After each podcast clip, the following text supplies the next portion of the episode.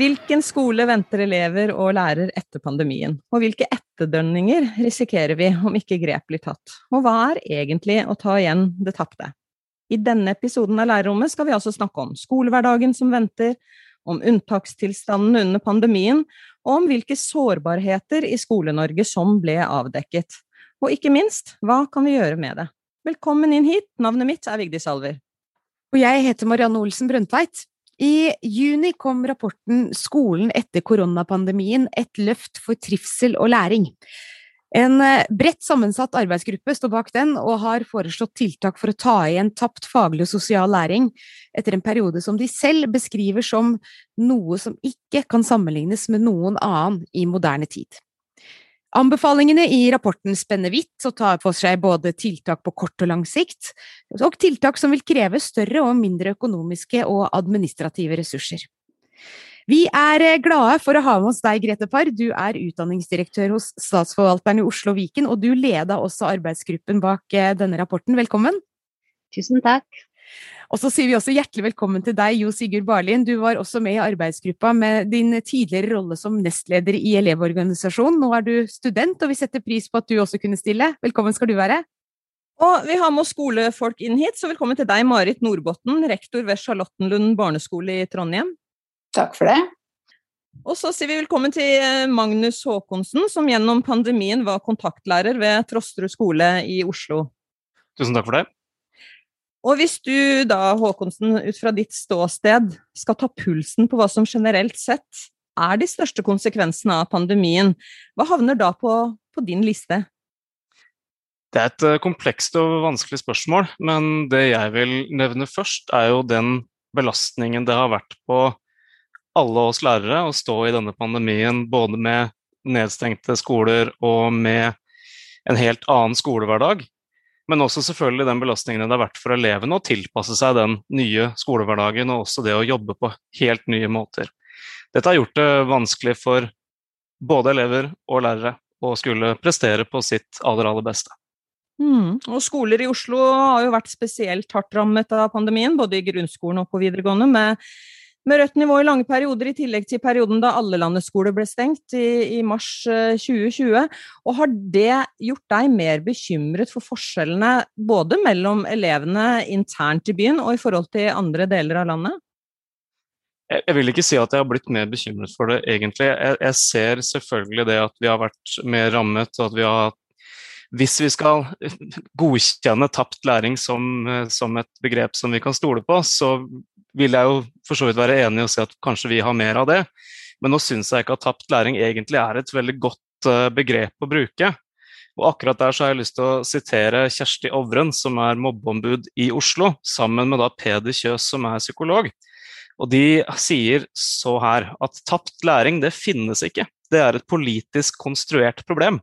Og at læring finnes i alt. Så mens vi har kanskje mistet eh, et par norsktimer og et par mattetimer mer enn svært mange andre skoler, så har vi lært veldig mye om det å leve i en pandemi. Vi har lært ting som man absolutt ikke ville ha lært ellers. Så jeg vil si at vi har lært mye, og vi har kanskje også mista litt. Men det viktigste nå er å komme tilbake til en solid og trygg hverdag for både elever og lærere, og se videre.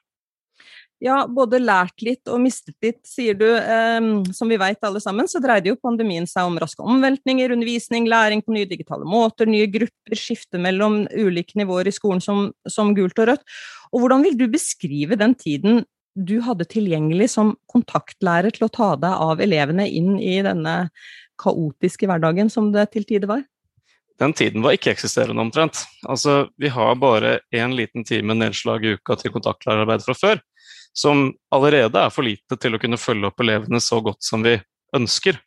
Og når vi måtte kaste oss rundt uten en eneste liten hjelp fra verken for min del skoleledelse eller fra etaten, så var det vanskelig å skulle være der for elevene også. Jeg var i tillegg hovedverneombud på jobb, så var veldig mye av min tid som også gikk til den type arbeid. Det var eh, rett og slett veldig tilfeldig hva som ble utfallet av hvordan vi la opp den digitale undervisningen. Uh, og vi var egentlig veldig overlatt til oss selv. Det eneste som reddet meg uh, for min del, var at jeg hadde et godt samarbeid med lærerne som var på mellomtrinnet sammen med meg. Men tiden jeg hadde til å kunne trygge hver enkelt elev, den var ikke eksisterende. Grete Ovde Par, arbeidsgruppa som eh, du ledet, hvordan jobba dere for å få landa en rapport med råd i løpet av denne tida, som tok inn både det som Håkonsen beskriver her, og andre sider?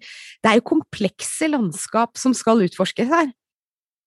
Det er helt sant. Og jeg kan si at uh, Vi i arbeidsgruppa hadde nå litt de samme diskusjonene som det Magnus Håkonsen beskriver uh, var virkeligheten der ute. Vi brukte tid på å diskutere mandatet vårt, for vi hadde en veldig kort tidsperiode før vi skulle levere denne rapporten. Og jeg var veldig glad for at vi hadde med erfarne skolefolk, fordi at jeg har ikke jobba i skolen på veldig mange år, selv om jeg jobber med skole. Så, så, vi hadde den diskusjonen knytta til begrepet tapt læring, og vi endte opp med å gi rapporten et helt annet navn. Nettopp fordi vi tenkte at eh, vi ville ha et positivt, og, og, og, at vi anerkjenner at det skjer læring også under en pandemi, selv om det kanskje skjer en annen type læring i tillegg til den vanlige læringa som skjer. Så, så, eh, vi brukte tid på å diskutere i gruppa hva, hva mandatet betydde, og hva vi ville ta tak i, hva som var hovedutfordringene. For vi kunne ikke ta tak i alt, for det var altfor stort. Og så sa vi veldig fort at vi trenger råd fra sektoren. For selv om vi er erfarne skolefolk i gruppa, så, så, er vi bare så få personer. og Derfor så innhenter vi også råd fra organisasjonene, fra FUG og FUB og fra lærerorganisasjonene, fra KS og fra, fra Barneombudet. I tillegg til at vi altså var veldig opptatt av å, å høre barnets stemme. Så vi innhenta noe fra forskjellige aldersgrupper i skolen. Mm. Mm. Ja, og nettopp økt tid til kontaktlærerrollen er jo et av tiltakene som dere i gruppa foreslår. På hvilken måte kan kontaktlæreren være nøkkelen til da en mer ja, normal skoledag, hvis vi kan kalle det det, enn det vi har opplevd under pandemien? Altså, vi diskuterte hva, hva tiltak er det som ikke vil eh, virke som en belastning der ute, verken for elevene eller for lærerne.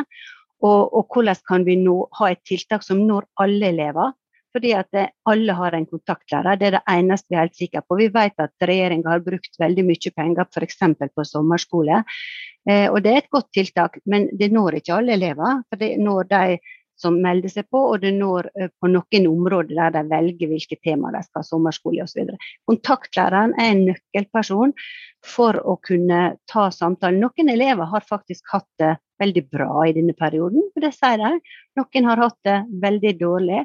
Og det som var kanskje min opplevelse som størst forskjell på det jeg hadde trodd skulle, skulle handle om i arbeidsgruppa, var at elevene var egentlig mer bekymra for sin egen del enn det vi voksne var.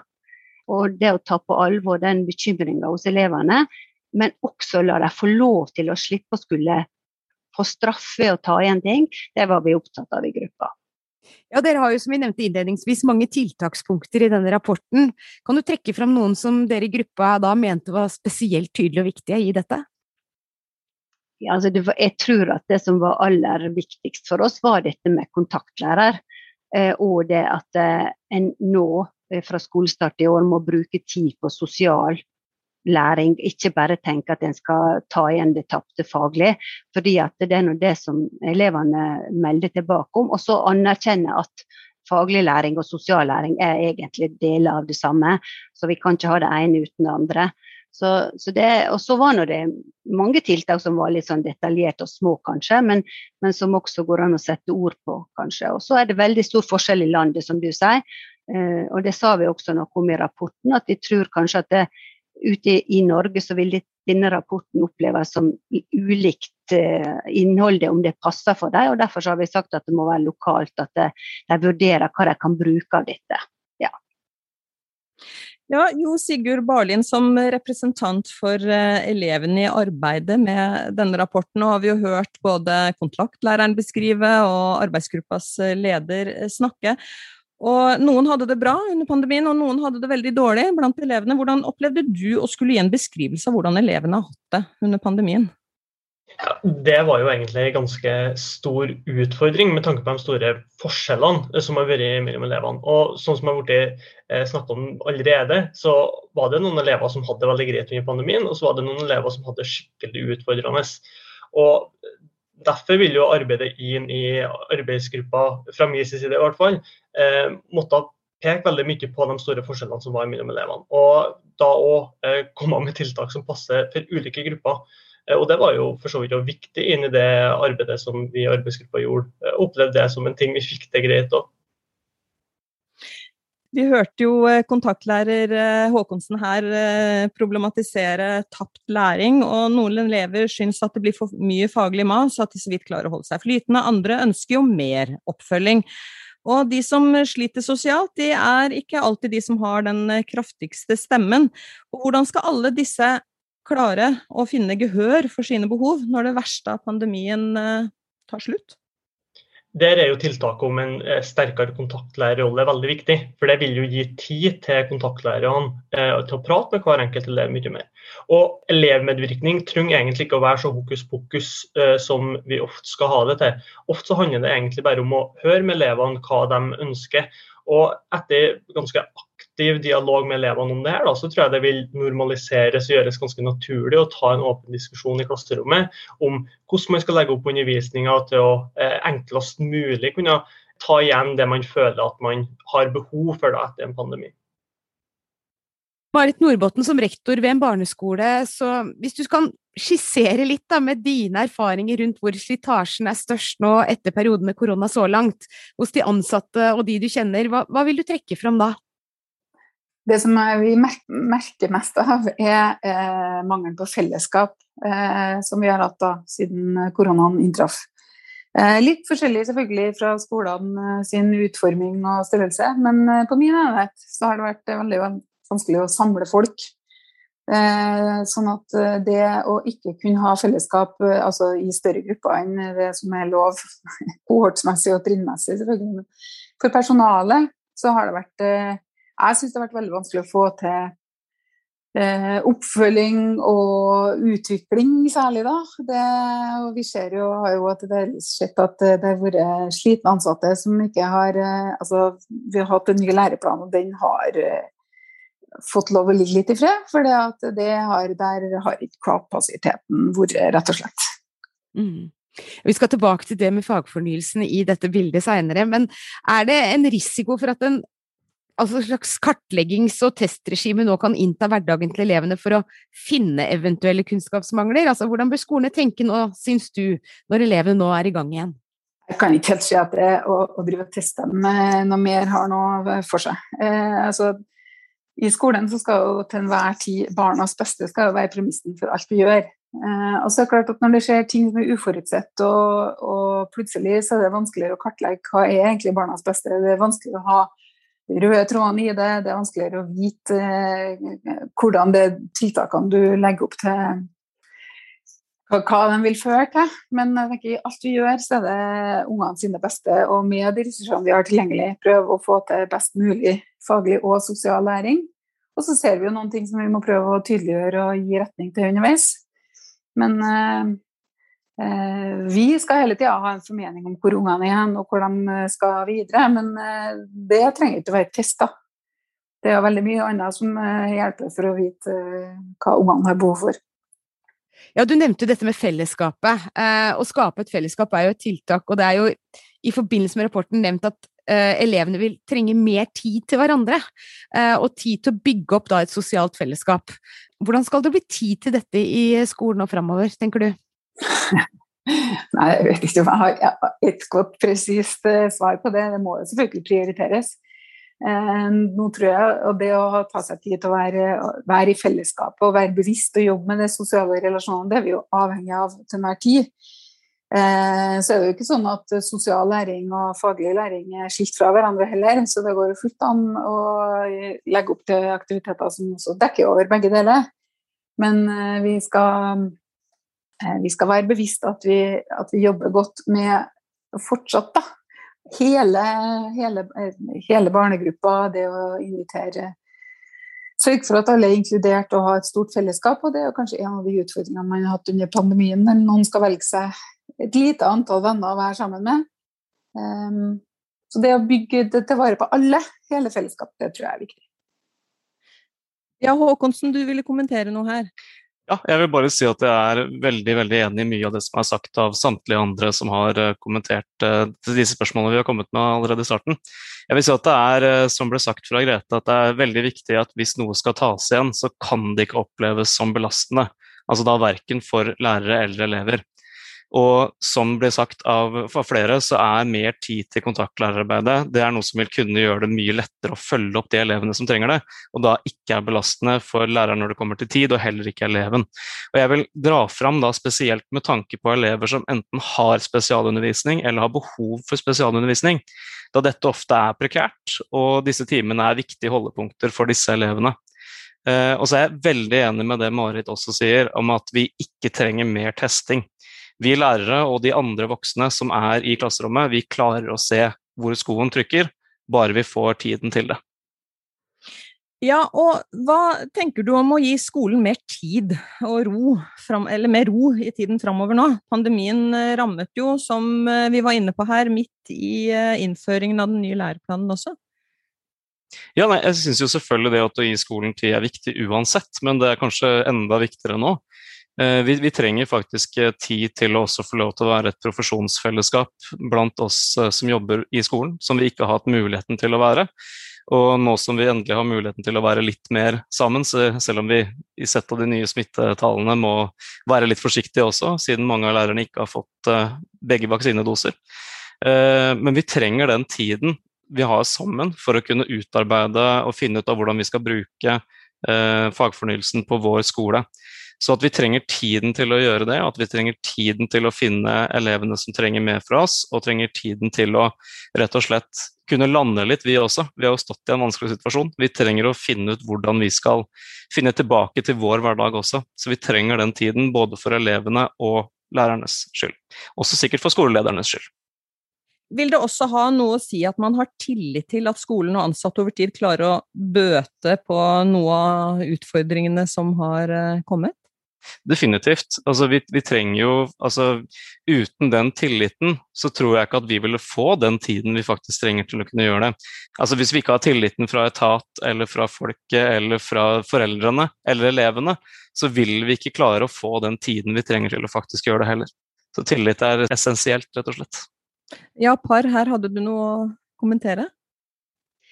Ja, altså Det var nå det som arbeidsgruppa også var veldig opptatt av. At det, det, er ikke noe her som er quick fix, og det er ikke noe som vi skal sette inn som kan gjøre eh, eller ja, ta igjen noe eller tapt læring osv. Men at vi må stole på at profesjonen er de som nå eh, møter elevene, som kjenner elevene, og som kan sette inn tiltak overfor elevene. Sånn at tid og ressurser. fordi at Jeg er også enig i at selv om eh, vi snakker nå om sånn som i Danmark, at det i fjor var et nødår. og at det på en måte elevene, altså Det var ikke vanlig undervisning eh, forrige skoleår. For veldig mange elever i Norge så er det forskjeller, selvfølgelig.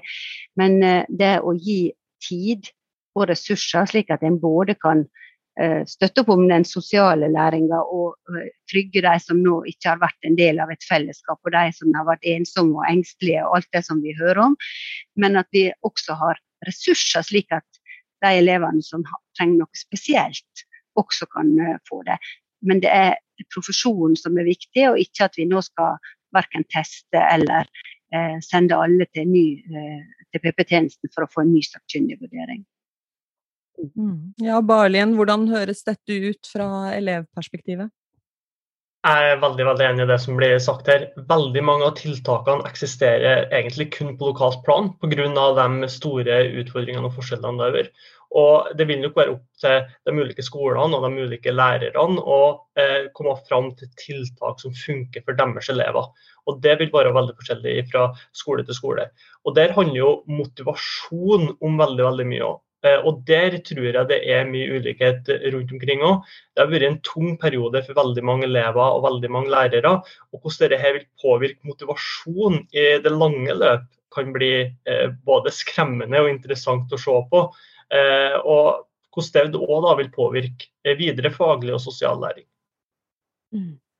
Par, eh, regjeringa ga jo penger til sommerskole, slik at kommunen kunne gi elevene mulighet til å ta igjen da, det de kalte noe av det tapte under pandemien. Men tilbudet fra kommune til kommune har jo vært veldig ulikt. Eh, hva betyr det, slik du ser det? Ja, altså, det er en utfordrende dette hele landskapet som vi beveger oss i. Men eh, og klart at disse pengene til sommerskole de var bestemt allerede før vår arbeidsgruppe var satt ned. Og, og når vi kom med rapporten vår, så måtte kommunene ha bestemt hvordan de skulle bruke disse pengene. fordi at dette er en stor administrasjon knytta til gjennomføring av sommerskole i kommunene.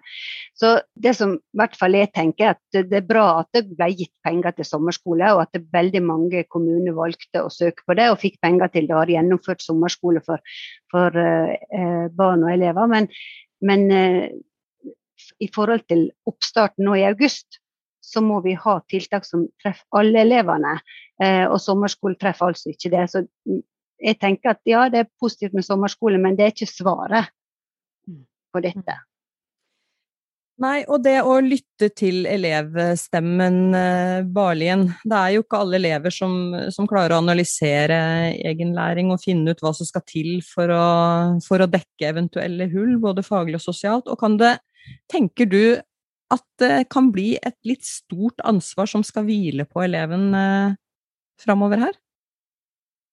Det kan det bli, uh, uten tvil. Uh, det som allerede ligger på eleven, kan jo oppleves som stort for mange. Det er jo forskjell på elever, og noen får til å håndtere det og ha ansvar for egen læring uh, bedre enn andre folk. Men så tror jeg det er viktig å se på den helhetlige utviklinga som eleven går gjennom i skolen, som et samarbeid mellom veldig, veldig mange parter.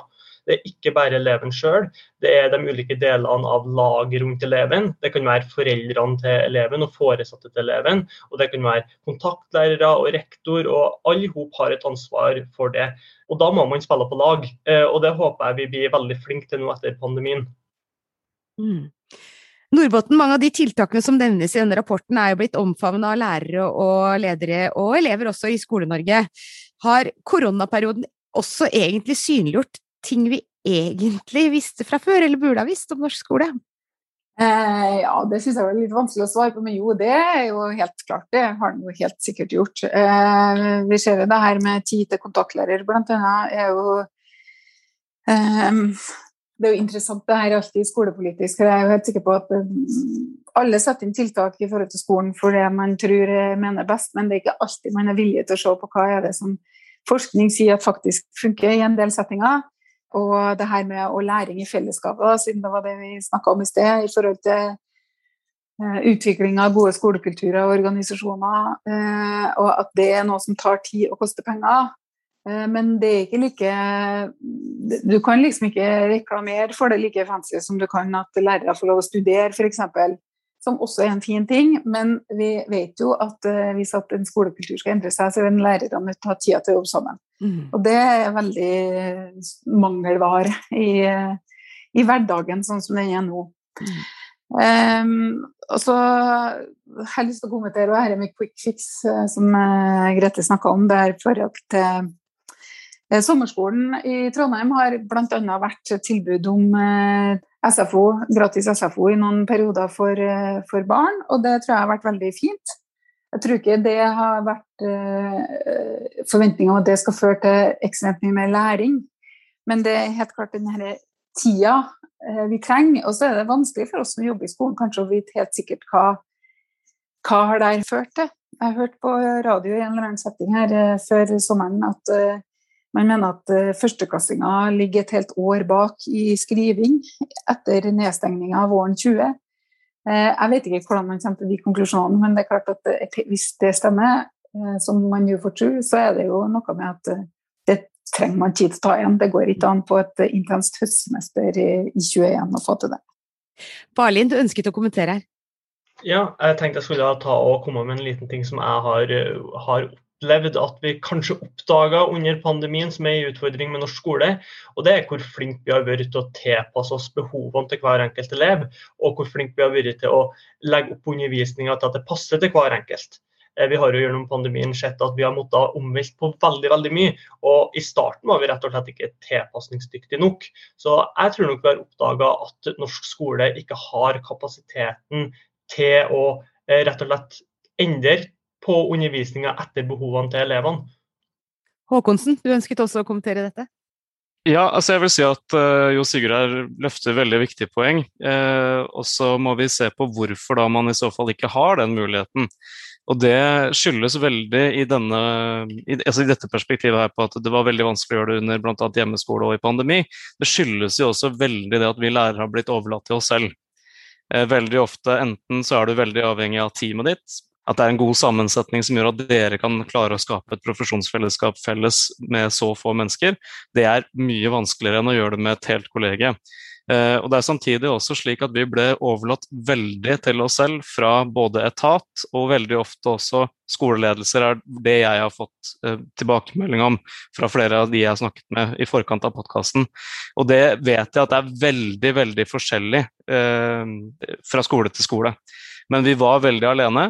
Vi var veldig avhengig av å kunne skape noe veldig, veldig raskt. Og da er det, når vi ikke vi har tid, så er det ofte elevene som lider litt for det. Det må vi være helt ærlige på.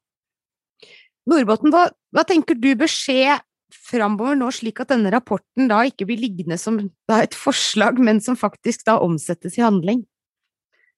Det, det, ene man har lyst til å si, er selvfølgelig hvis man skal få til sånn som kontaktlærer, så er det jo penger som skal til. Det er jo ikke alt som koster penger. Men eh, tid er også penger eh, og ressurser. Eh, og det er jo en stor utfordring for oss å få lov å få den tida sammen. Jeg syns det er trist å høre at man føler seg helt overlatt til seg sjøl. Jeg kan jo ikke på noen måte garantere at ikke det er tilfellet også på min enhet. Det har aldri vært intensjonen. Men, men, det å nå ut til alle og, være der og støtte alle nok, det er, det er aldri enkelt. Og så er det jo noe med økonomi og, og skole. For jeg, jeg, har lest gjennom noe, i hvert fall i rapporten, og jeg ser det at eh, politikere mener jo at de har vedtatt masse penger eh, til skolene etter koronaen, men som det også blir påpekt i rapporten, så er det jo ikke så mye per skole. Og så er det litt med forståelsen for hva skal til for at skolene opplever at vi har et handlingsrom med de pengene som gis. Og hvilken tolkning er det på hvordan de her pengene skal fordeles. Hvordan kan vi som skoleledere føler oss trygge på at vi, vi, vi, kan sette i gang de tiltakene og ha dekning for dem økonomisk. Eh, for det er ingen tvil om at eh, vi har beskjed om at eh, det viktigste vi gjør, er å holde budsjettall. Sånn at det er en kombinasjon der som er vanskelig. Vi skal følge det som er elevene sin beste, men vi skal også holde budsjettet.